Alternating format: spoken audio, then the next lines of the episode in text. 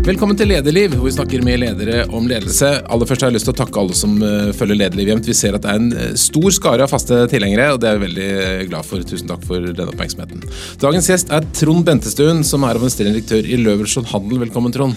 Takk skal du ha. Løvenskiold Handel mest kjent som Maxbo. Ja, jeg tror det for de aller, aller fleste. Masse butikker. Ja, det er 65 varehus eh, fra Trondheim og sørover. Og dit kom du nå ganske nylig. Hvorfor valgte du å bli administrerende i Maxbo? eller Ja. Du er på dag 18 som leder nå av eh, dette selskapet, så jeg er ganske fersk. Og det er jo mange grunner til at jeg valgte det. Jeg har jo hatt eh, ett års opphold siden jeg var eh, i fast jobb, da, for å si det sånn, tidligere. Og brukt masse tid på det året til å gjøre ja, litt oppdrag, men også reflektere over virkelig hva som er viktig for meg da, når jeg velger nytt virke, og vært i ulike typer jobbprosesser osv. Eh, I Maxbo så fant jeg mye av det jeg lette etter. Det er på en måte et selskap som har gjort veldig mye bra, som har en solid posisjon, de har veldig god kjennskap, eh, står veldig solid, de har lange tradisjoner. Men hvis man ser framover, så handler det veldig mye om at det er en eier som har veldig lange briller på, som ønsker å bygge noe videre, som eh, er veldig opptatt av å overlate det han eier til neste generasjon i bedre stand enn det det var når han overtok. Og når Bare han sier- ikke, de, for de som ikke vet det, så er det Ja. Carlotte Løvenskiold som driver Løvenskiold. Og de har, de har jo retter da til 1700-tallet. Det er vel et av Norges eldste 1649, ja, faktisk. ja, Så det er et av Norges eldste selskaper. er en av Norges eldste selskaper. Og uh, dette med å overlate neste generasjon, det har et bredere perspektiv enn bare hans egen familie. Uh, han har en veldig omsorg for alle som jobber i Maxbo. Og det betyr at han ønsker å eh, overlate dette i et bedre stand også i forhold til dette med arbeidsplasser.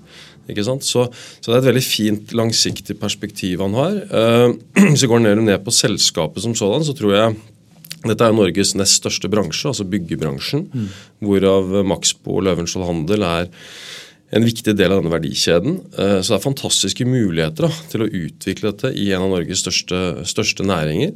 Og så tror jeg jo, jeg har sett på selskapet, at det er eh, betydelig potensial i å utvikle liksom preferansen knytta til, eh, til Maxbo. Så det er veldig mye spennende med dette selskapet som jeg, eh, som jeg trigges av.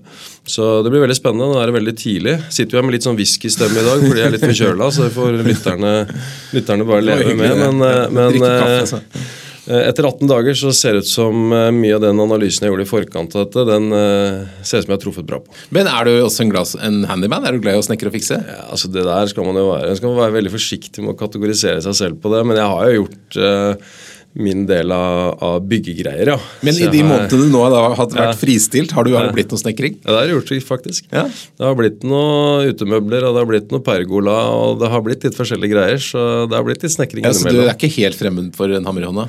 Nei, altså jeg er jo litt sånn litt nesten litt barnslig på det. vet du, fordi Når jeg har gutta på en øl eller en kveld hjemme, så syns jeg det er gøy å ta dem ut i snekkerbua og vise at jeg har ordentlig verktøy. og liksom alt det greiene der, Så jeg liker jo å tenke på meg selv som handy. Men, eh, men eh, det er litt hva du måler mot, da. Men jeg har gjort min del av byggearbeidet. Ja, men Det blir vel ikke noe mindre verktøy i boden? Nei, jeg synes jo, altså det er jo det er viktig å si, Kristian. at Det, veldig, så det, der, det der å være begeistra over det du driver med ikke sant? Altså sånn, det, å være, det å digge de produktene du selger, da, for meg er det veldig viktig. Sånn at liksom, Her er det veldig lett for meg. Jeg kan si Når jeg jobba i DNB, da krevde det litt mer, for der selger du stort sett ting som ingen vil ha. Altså Ingen som vil ha et boliglån. eller noe. Det, sånn, det, det krever mye mer å bli begeistra, men det er også der veldig lett å finne mening med det du driver med. Fordi du hjelper jo veldig mange kunder med å realisere det de drømmer om. Her er det på en måte produktene i seg selv som skaper en begeistring hos meg. da, Så det er veldig gøy.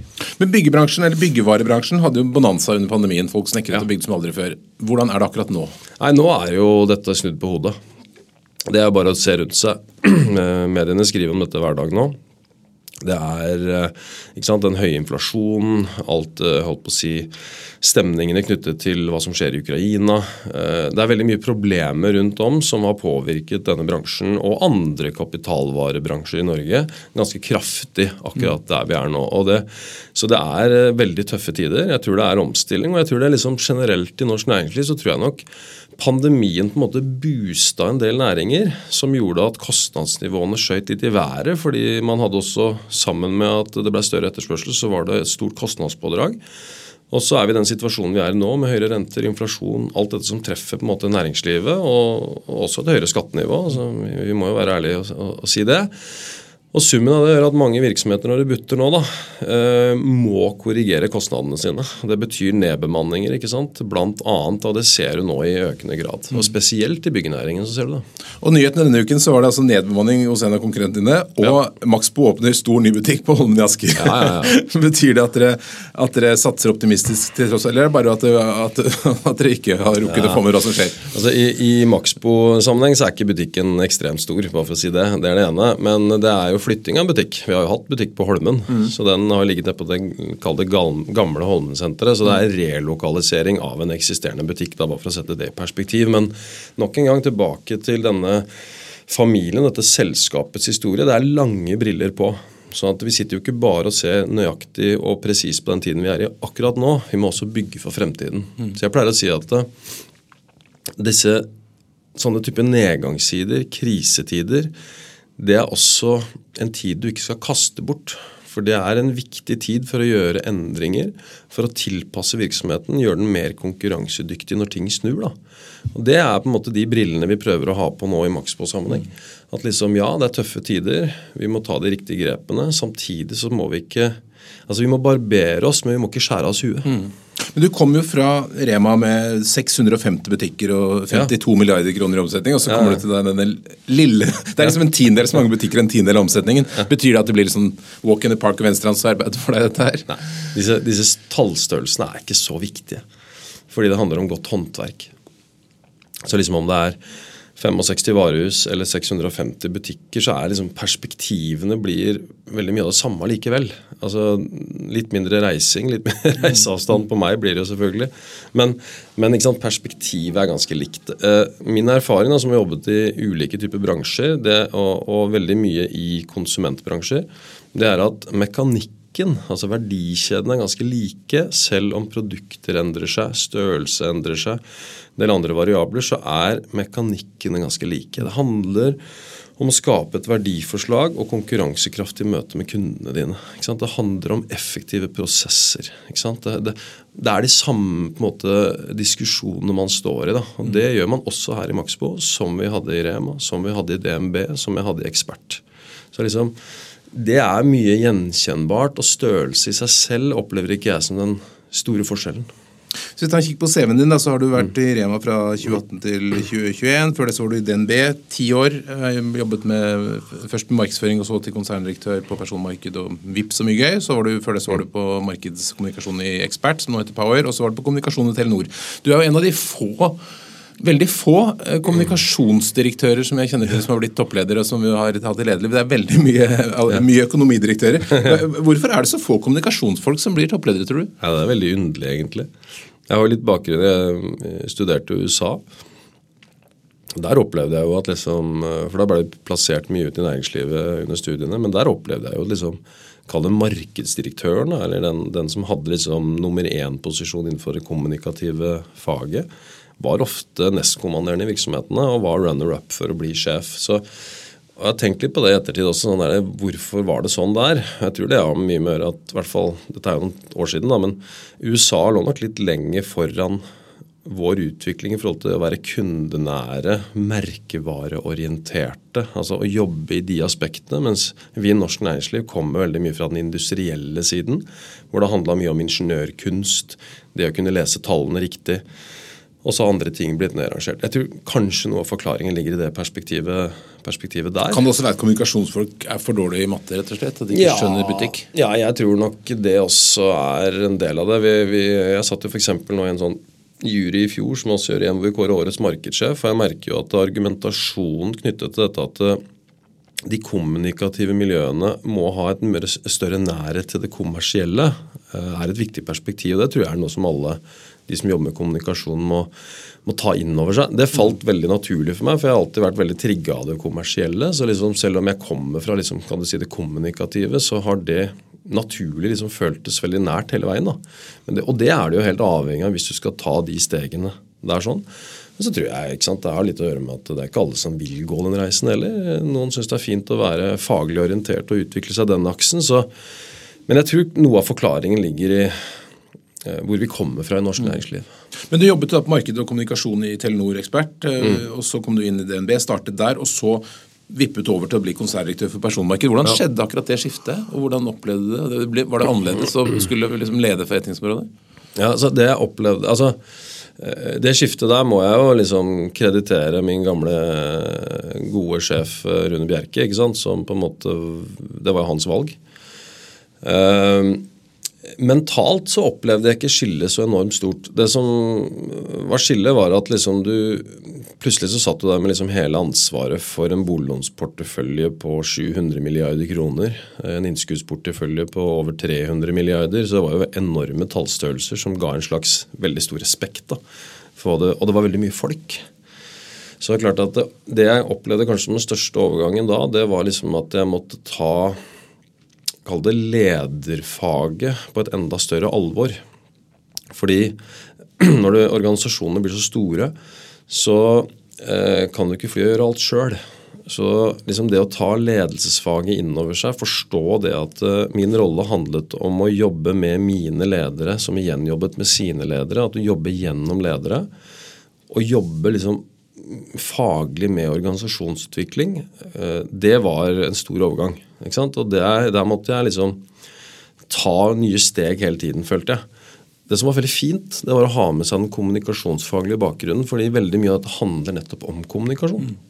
Det handler om forventningsstyring, det handler om begeistring. Det handler om å ta de tøffe takene når det trengs. Så, jeg opplevde liksom at den kommunikative bakgrunnen var en veldig sånn god bakgrunn å ha. ikke sant? Og det å tilegne seg kunnskap om risikoforståelse og risikoberegninger i DNB, det, det var liksom veldig sånn én til én. Altså det, det var liksom å lese og studere og liksom på en måte sette seg inn i det. Det opplevde jeg ikke som utrolig krevende. Men jeg tror veldig mange ledere, hvis du spør de øh, rangerer vanskelighetsgrad, så er det jo på en måte det å f.eks. jobbe med folk. Det å utvikle en organisasjonskultur. Det å få alle med mot det samme målet. De tingene der er jo det som er, er vanskelig. Og det var en stor overgang fra å være liksom veldig faglig orientert på det kommunikative til å måtte fokusere veldig mye på det ledelsesmessige. En av de suksessene dere hadde i perioden der, var jo VIPS. Det, det, det Ja. går det mange historier om. Vi har tatt VIPS-sjefen her tidligere, eller på ledelig. Men, Ja, Rune har vært her, ja, ja. Men fortell litt om hvordan du eh, opplevde det, og historien rundt det. For det er jo en, en Mm. blir ofte trukket som en sånn milepæl når det gjelder innovasjon. ja. ja. Det er eh, Altså Vips er jo en fantastisk historie, og det er veldig mye læring i den. Um, for meg så begynner Vips-historien i 2008. Før vi i det hele tatt hadde begynt å snakke om Vips, egentlig. Fordi 2008 var det finanskrise, global finanskrise. Og det var en krise som eh, var helt nødvendig, etter min oppfatning, for DNBs endringsbehov. Um, litt sånn som vi står i nå. Altså, jeg tror Rune Bjerke forsto dette veldig godt. Det var tøff tid når vi sto i det. Vi jobbet døgnet rundt og, og måtte håndtere mye ting. Men samtidig så demret det for oss også, tror jeg, under den tiden at uh, dette var tiden hvor vi skulle måtte sette, eh, kunne sette en ny kurs. Hvor vi kunne utfordre gamle sannheter. Hvor vi kunne begynne å bli nysgjerrige på det nye.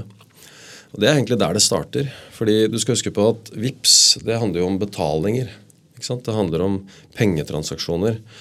Den gangen så var de som jobbet med dette i DNB, de var gjemt bort eh, nede i et skott på depotet. Liksom. Det, det var ingen som var interessert i betalinger.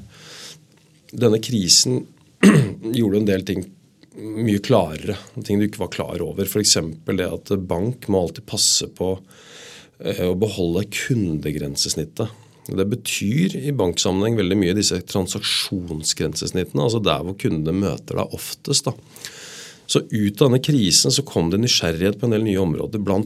dette med betalinger. ikke sant? Og Vi begynte å reise ut i verden. Vi begynte å, å, snakke med selskaper som var utenfor bank, type Google, Apple og den type selskaper. Jeg husker jeg møtte sjefen for Google Payments i Silicon Valley, og det må ha vært i 2011 eller 2012, og han snakket om at de skulle ta dette markedet. Da tror jeg liksom det pluss en del andre ting da, var med på at vi liksom våkna litt opp og liksom Faen, hva er dette for noe? Eh, og da begynte jo liksom man å jobbe med betalingstransaksjoner. Skal jeg huske på det, Ole Kristian, at vi jobba med Telenor for å utvikle en mm. mobile payments-løsning lenge før VIPS. Ja. den, eh, for å bruke det norsk språk, tryna jo litt. Jeg tror det var gode ideer, men vi, vi liksom fikk det ikke ordentlig til. Så prøvde vi å lage en tjeneste som ingen husker i dag, som heter Max 500. Som også Nei, den husker vi ikke. ikke? Som også tryna før vi da lagde VIPS. ikke sant? Eh, sånn at det var en læringsfase, det var prøving og feiling før vi liksom kom fram til det. Og så er det én faktor til man ikke må glemme med VIPS, og det er at uh, trusselbildet var veldig tydelig.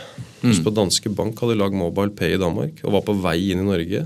De var tydelige på at de ville ta Norge, og det liksom ga jo en rakett mm. uh, bak for oss ikke sant? Til, å, til å lage VIPS. Og VIPS er jo på en måte en historie som har mange sider ved seg. Jeg syns ikke minst den har en veldig interessant merkevareside. altså kommunikasjon kommunikativ side, mm. som jeg syns vi traff eh, bra på. Den har en salgsside ved seg. altså dette At vi klarte å eh, implementere da, eller selge inn VIPS til markedet på veldig rask tid. Teknologisk så var det en kraftinnsats, men det var jo VIPS var jo i sin første fase en løsning som var gjort før. Mm. Så det var på en måte ikke sånn at når vi lagde VIPS, så var det utlendingene som sa hva har skjedd i Norge. Det var sånn Dette var også lagd andre steder. Så det er summen av flere ting. Og så skal du huske på én ting til, at det er veldig få andre selskaper som kunne laget VIPS, fordi kostnaden for å gjøre VIPS var enormt høy på mm. transaksjonssiden i første fase. Men hva tenker du var grunnen til at VIPS lykkes, og ikke Telenors løsning eller andre løsninger? For Telenor var også et sterkt selskap. Hva var liksom suksessfaktoren? Det var egentlig et fantastisk partnerskap. ikke sant? Ja.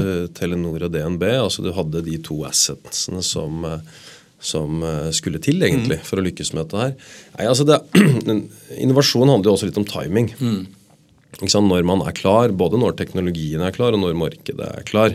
Jeg tror den gangen så opplevde jeg at vi hadde noen hindre, noen avhengigheter som det stranda på. F.eks. dette med hva skal være bærer av løsningen? Og Telenor den gangen var jo også veldig fiksert på det fysiske SIM-kortet. Mm.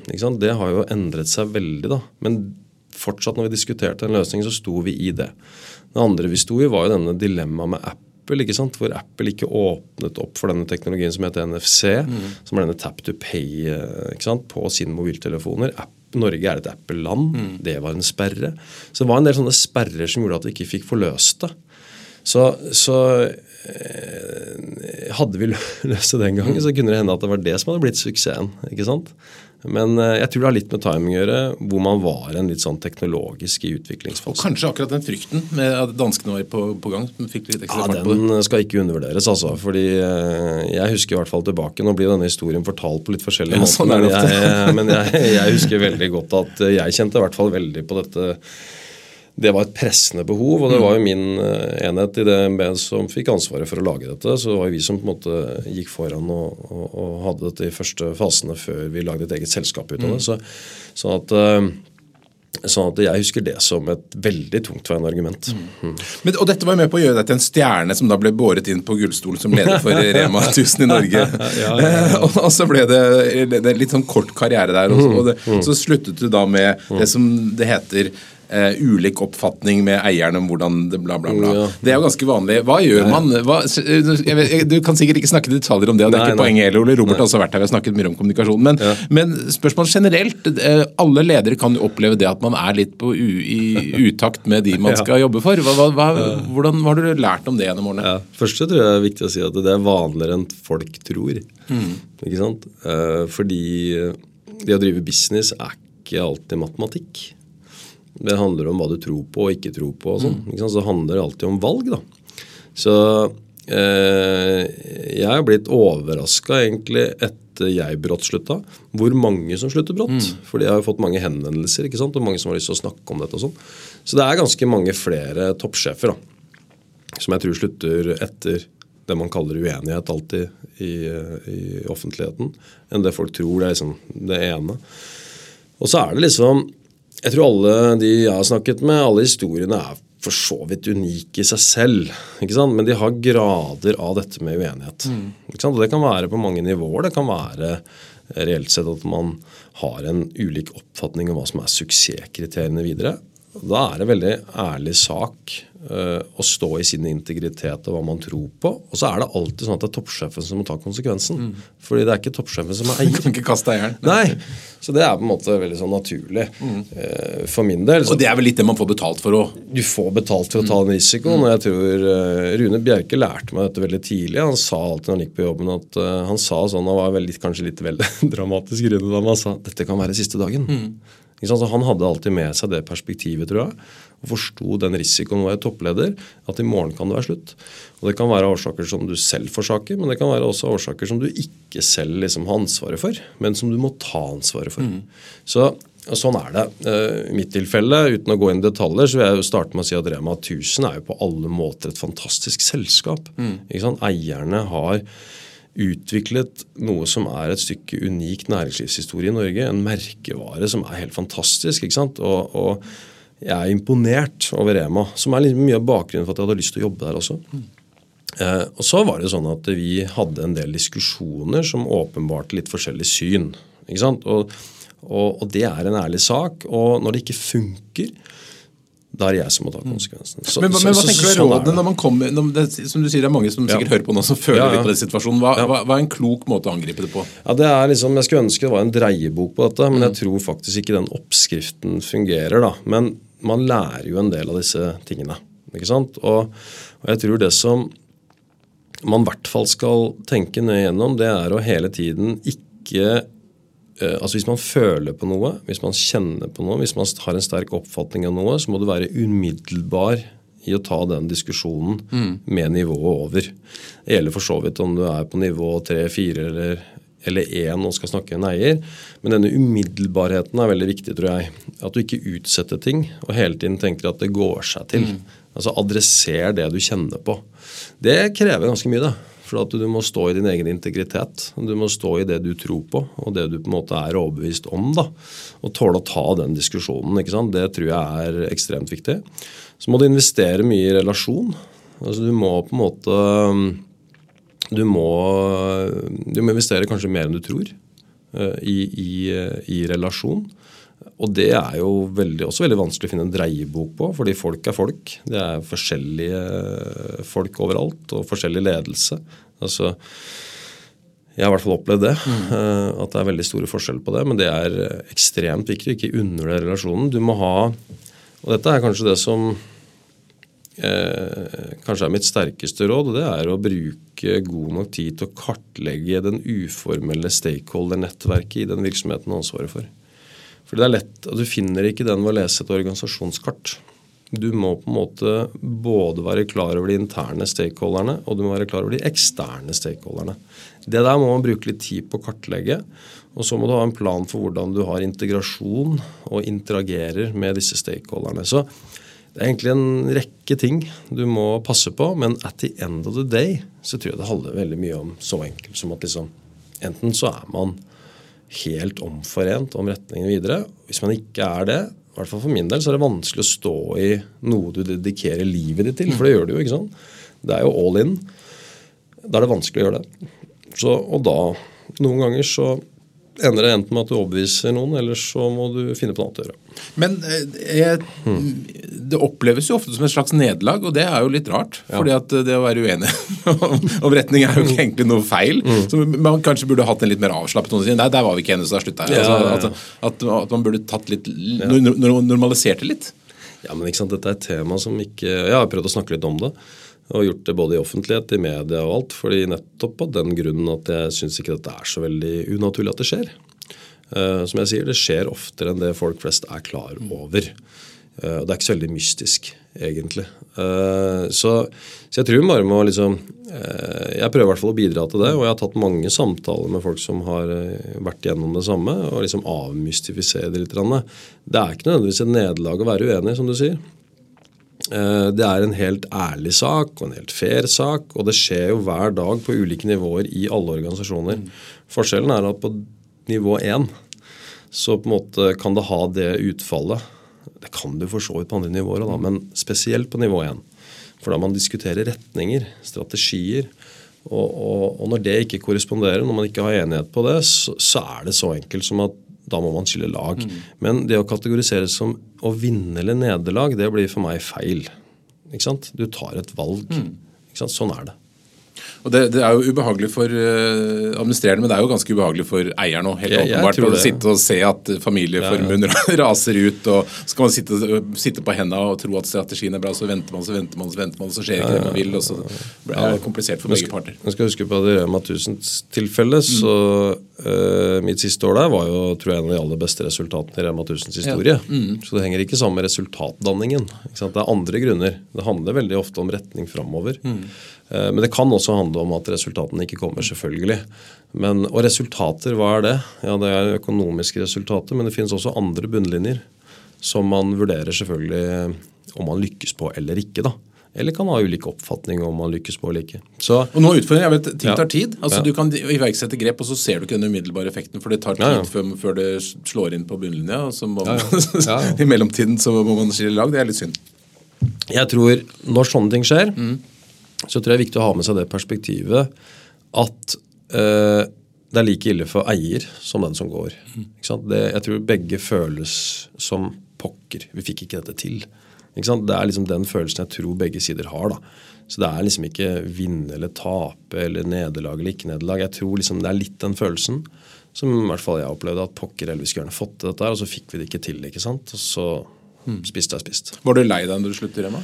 Ja, jeg var lei meg i den forstand at eh, når man går inn i en sånn type jobb, så har man veldig lyst, og man legger hele livet sitt i at man skal lykkes både med å forene strategi, forene ambisjoner, utvikle selskapet. Altså, du har alle disse ambisjonene i seg.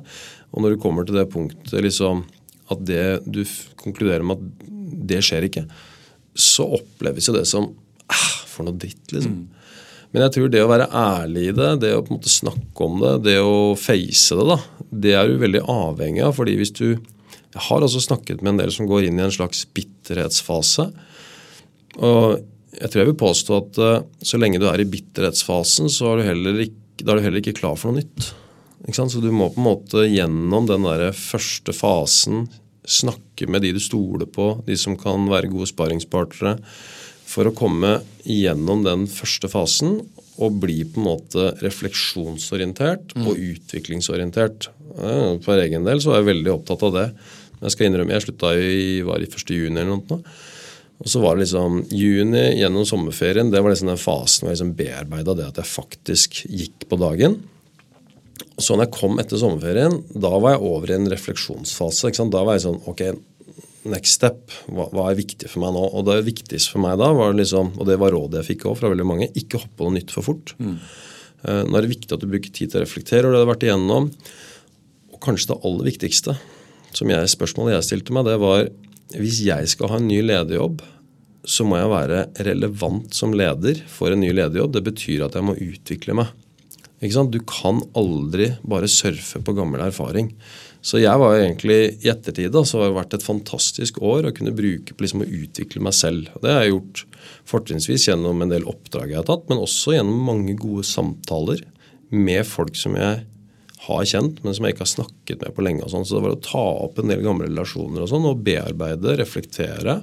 Finne ut hva som er viktig for meg som leder, sånn at jeg er klar nå for å liksom, gi bånn gass i Maxbo. Både med min erfaring, men også det jeg har fornyet meg på som leder. da. Hva tenker du er det viktigste du tar med deg fra Rema over til Maxbo? Og det er ganske mye. Ja, Rema er jo et fantastisk, eh, en fantastisk idé, for å si det sånn, og en fantastisk filosofi. Og det er veldig veldig mye bra i Rema 1000 som jeg har lært, og som jeg definitivt kommer til å, å bruke videre. Uh, uten tvil. Uh, man skal aldri, tror jeg, prøve sånn rent å kopiere uh, selskaper.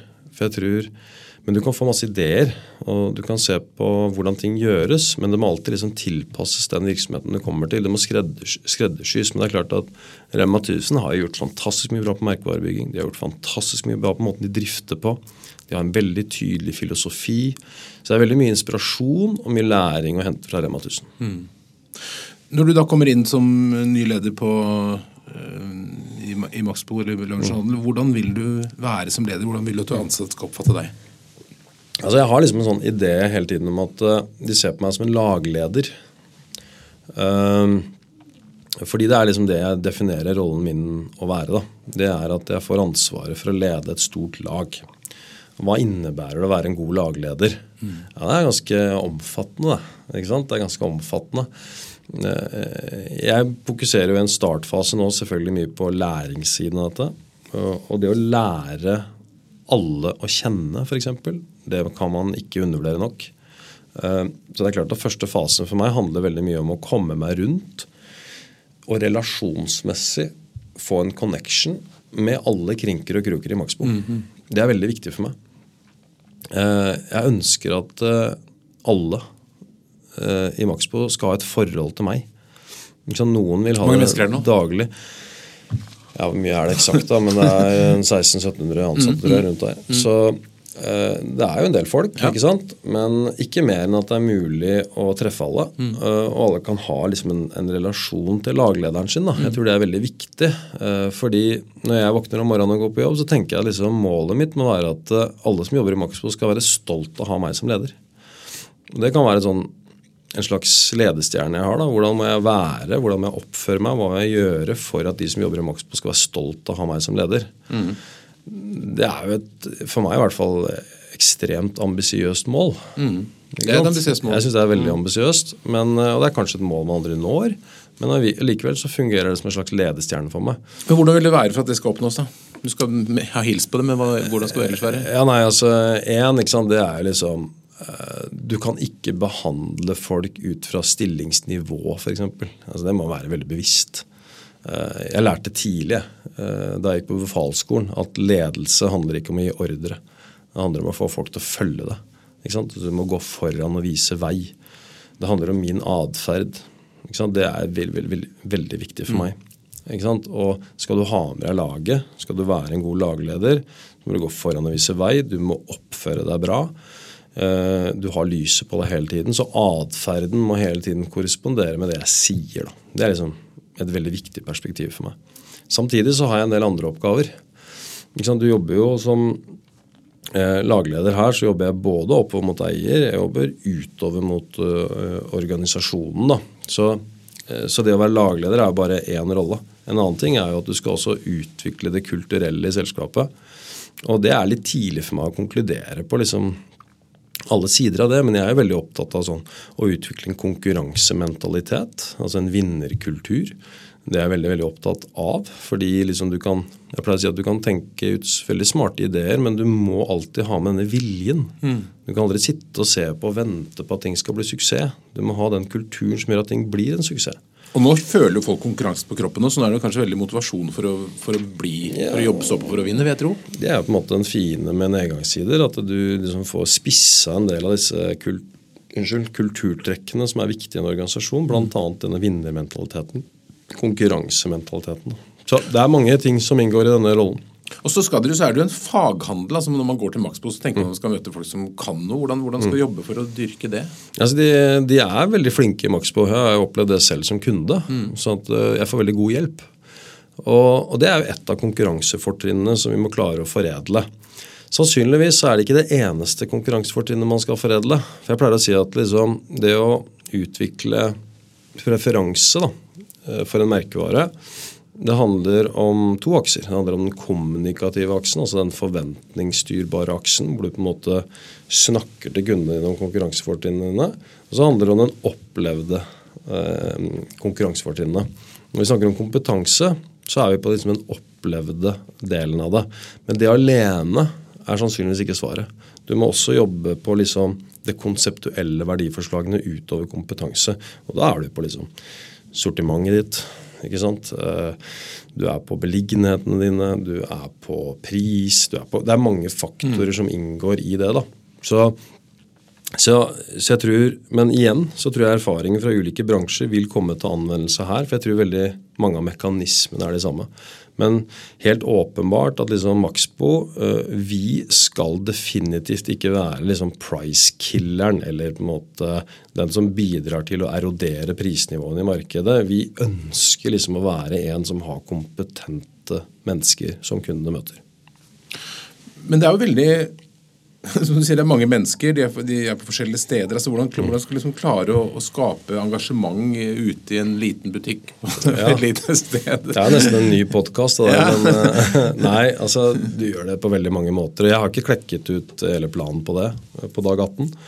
Men, eh, men det er klart at uh, man kan snakke litt generisk om det. for mm. at det er helt åpenbart at uh, her kommer vi tilbake til det kommunikative igjen. da. Mm.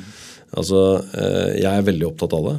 Uh, spesielt internt.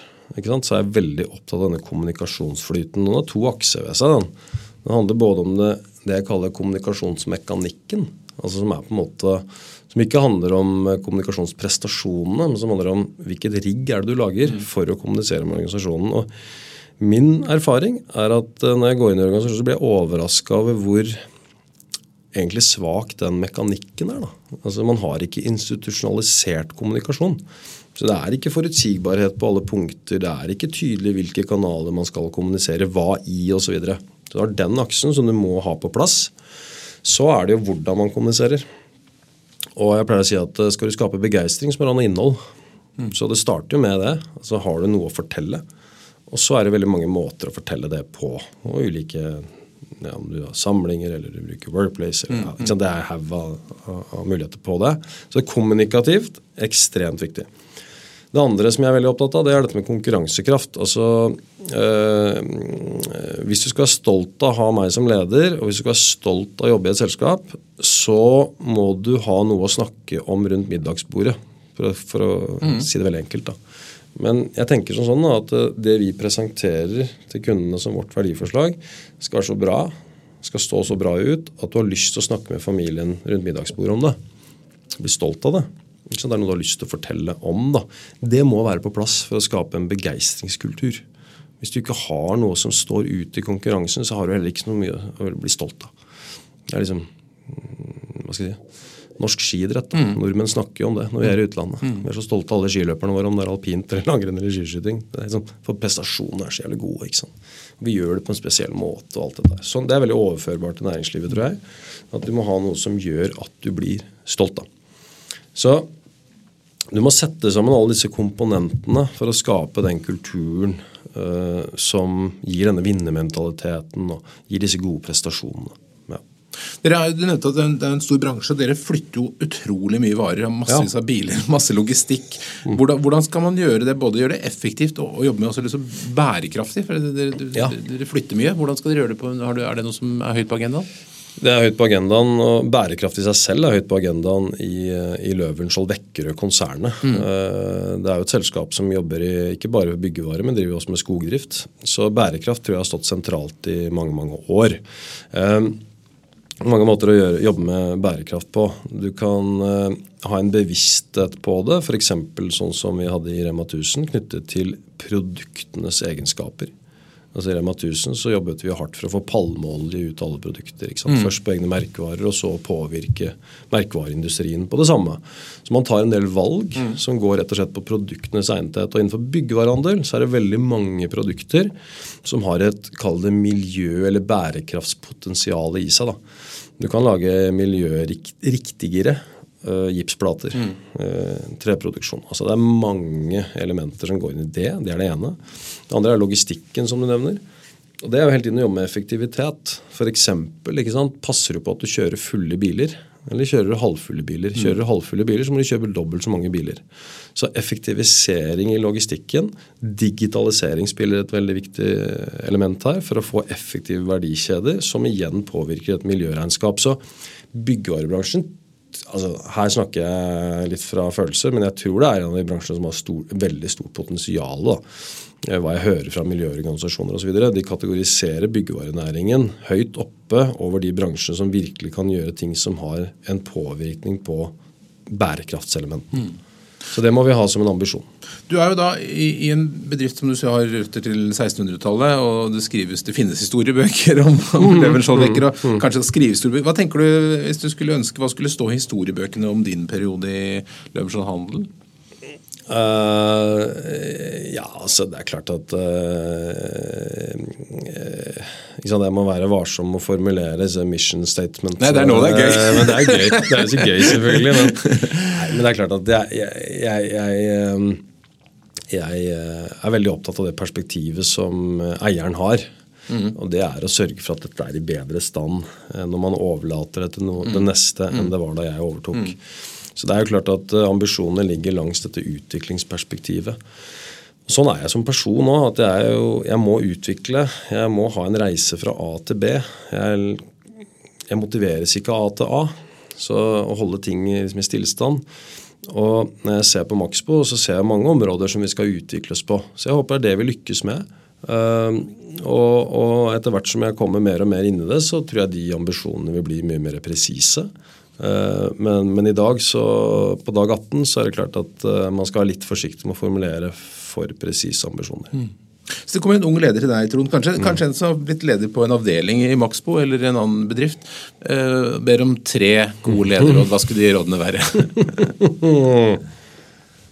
Eh, tre gode lederråd. Eh, altså det, jeg tror det første jeg vil si, er liksom vær deg sjøl. Altså vær deg selv. Um, det er så mye kraft i å være seg selv og utvikle sine egenskaper kontra å prøve å kopiere andres egenskaper. Det er så lett å si det der, men det er veldig vanskelig å stå i det. Men det ville være, eh, basert på min erfaring, et viktig råd fra meg. Det å utvikle sin egen personlighet. Være veldig klar over sin egen personlighet i lederrollen. Og Jeg pleier ikke å karakterisere egenskaper i styrker og svakheter, men i tydelige egenskaper som kan være en styrke hvis du spiller det riktig, men som kan være svakhet hvis du overspiller det. Vær deg selv, utvikle dine egenskaper. Mm. Det har jeg erfart er veldig viktig, fordi alle har egenskaper som kan være til nytte i, i det lederrollen. Så det er liksom det ene. Det andre er vel det Og jeg er jo farget at jeg har jobbet i privat næringsliv. ikke sant? Eh, og det er klart at eh, det å utvikle den kommersielle teften vil være et annet råd. fordi all privat virksomhet handler om å lykkes kommersielt. Man må aldri undervurdere det. Og Grunnen til at jeg sier det som et råd, er fordi at det kommersielle perspektivet må alltid liksom høyt opp på prioriteringslista di. Mm. Du må tjene penger. Ja, altså Hvis du ikke tjener penger, så har du ikke noe jobb. og Det betyr at det, i alle de prioriteringene og elementene som treffer en leder, så må du ha noen kriterier å rangere de etter. Og Derfor er det veldig viktig å ha den kommersielle teften som gjør at du kan prioritere alle forslagene som kommer. Mm. Og det kommersielle må alltid prioriteres eh, høyt oppe. Mm -hmm. Neste råd, eller Siste råd da, mm -hmm. å velge, og jeg kunne sikkert ha sittet og snakka lenge om dette her òg, men jeg tror det er liksom overfokuser på kommunikasjon. Altså Du må være mer opptatt av det kommunikative enn det du tror. Så du må kommunisere mye mer i laget ditt, én til én, og med resten av organisasjonen. Mye mer enn du tror. Eh, for det er nesten alle medarbeiderundersøkelser har sett, uavhengig av selskap, så er det en feedback fra alle som jobber i organisasjonen. At vi hører ikke noe, det er for lite kommunikasjon, vi vet ikke hvor vi skal. Alle de tingene der. Og det betyr at liksom det å eh, hva skal jeg si, um, strategisk jobbe med kommunikasjon i sin egen organisasjon, det må trumfe hensynet til å få et oppslag på førstesiden av Dagens Næringsliv. Mm. Du må begynne der. Du må ha et solid kommunikativt fundament å stå på. Ta hånd om det der. Så kan du utvikle derfra eksternt. Men, men, det der er jeg veldig opptatt av. Og jeg har sett ledere som har lykkes med det, og jeg har sett ledere som ikke har lykkes med det. Kjenn deg selv, vær kommersiell og tenk på kommunikasjon. Ja, ja. Trond Bensen, hjertelig takk for at du kom til Lederliv. Bare hyggelig. Jeg skal bare avslutte med å si at Lederliv er en podkast fra Apeland. Det er Ingrid Håneland, Lars Hjelmelum, Lars Volden og meg som er i redaksjonen. I denne utgaven her så har vi snakket om eh, flere selskaper som er eller har vært kunder av Apeland. Eh, Maxbo, Apple, DNB og Telenor, uten at jeg tror at det har preget innholdet av noen grad. Hvis du har uh, synspunkt på Lederliv, send meg gjerne e-post til ole.apeland.no. Ha en god dag.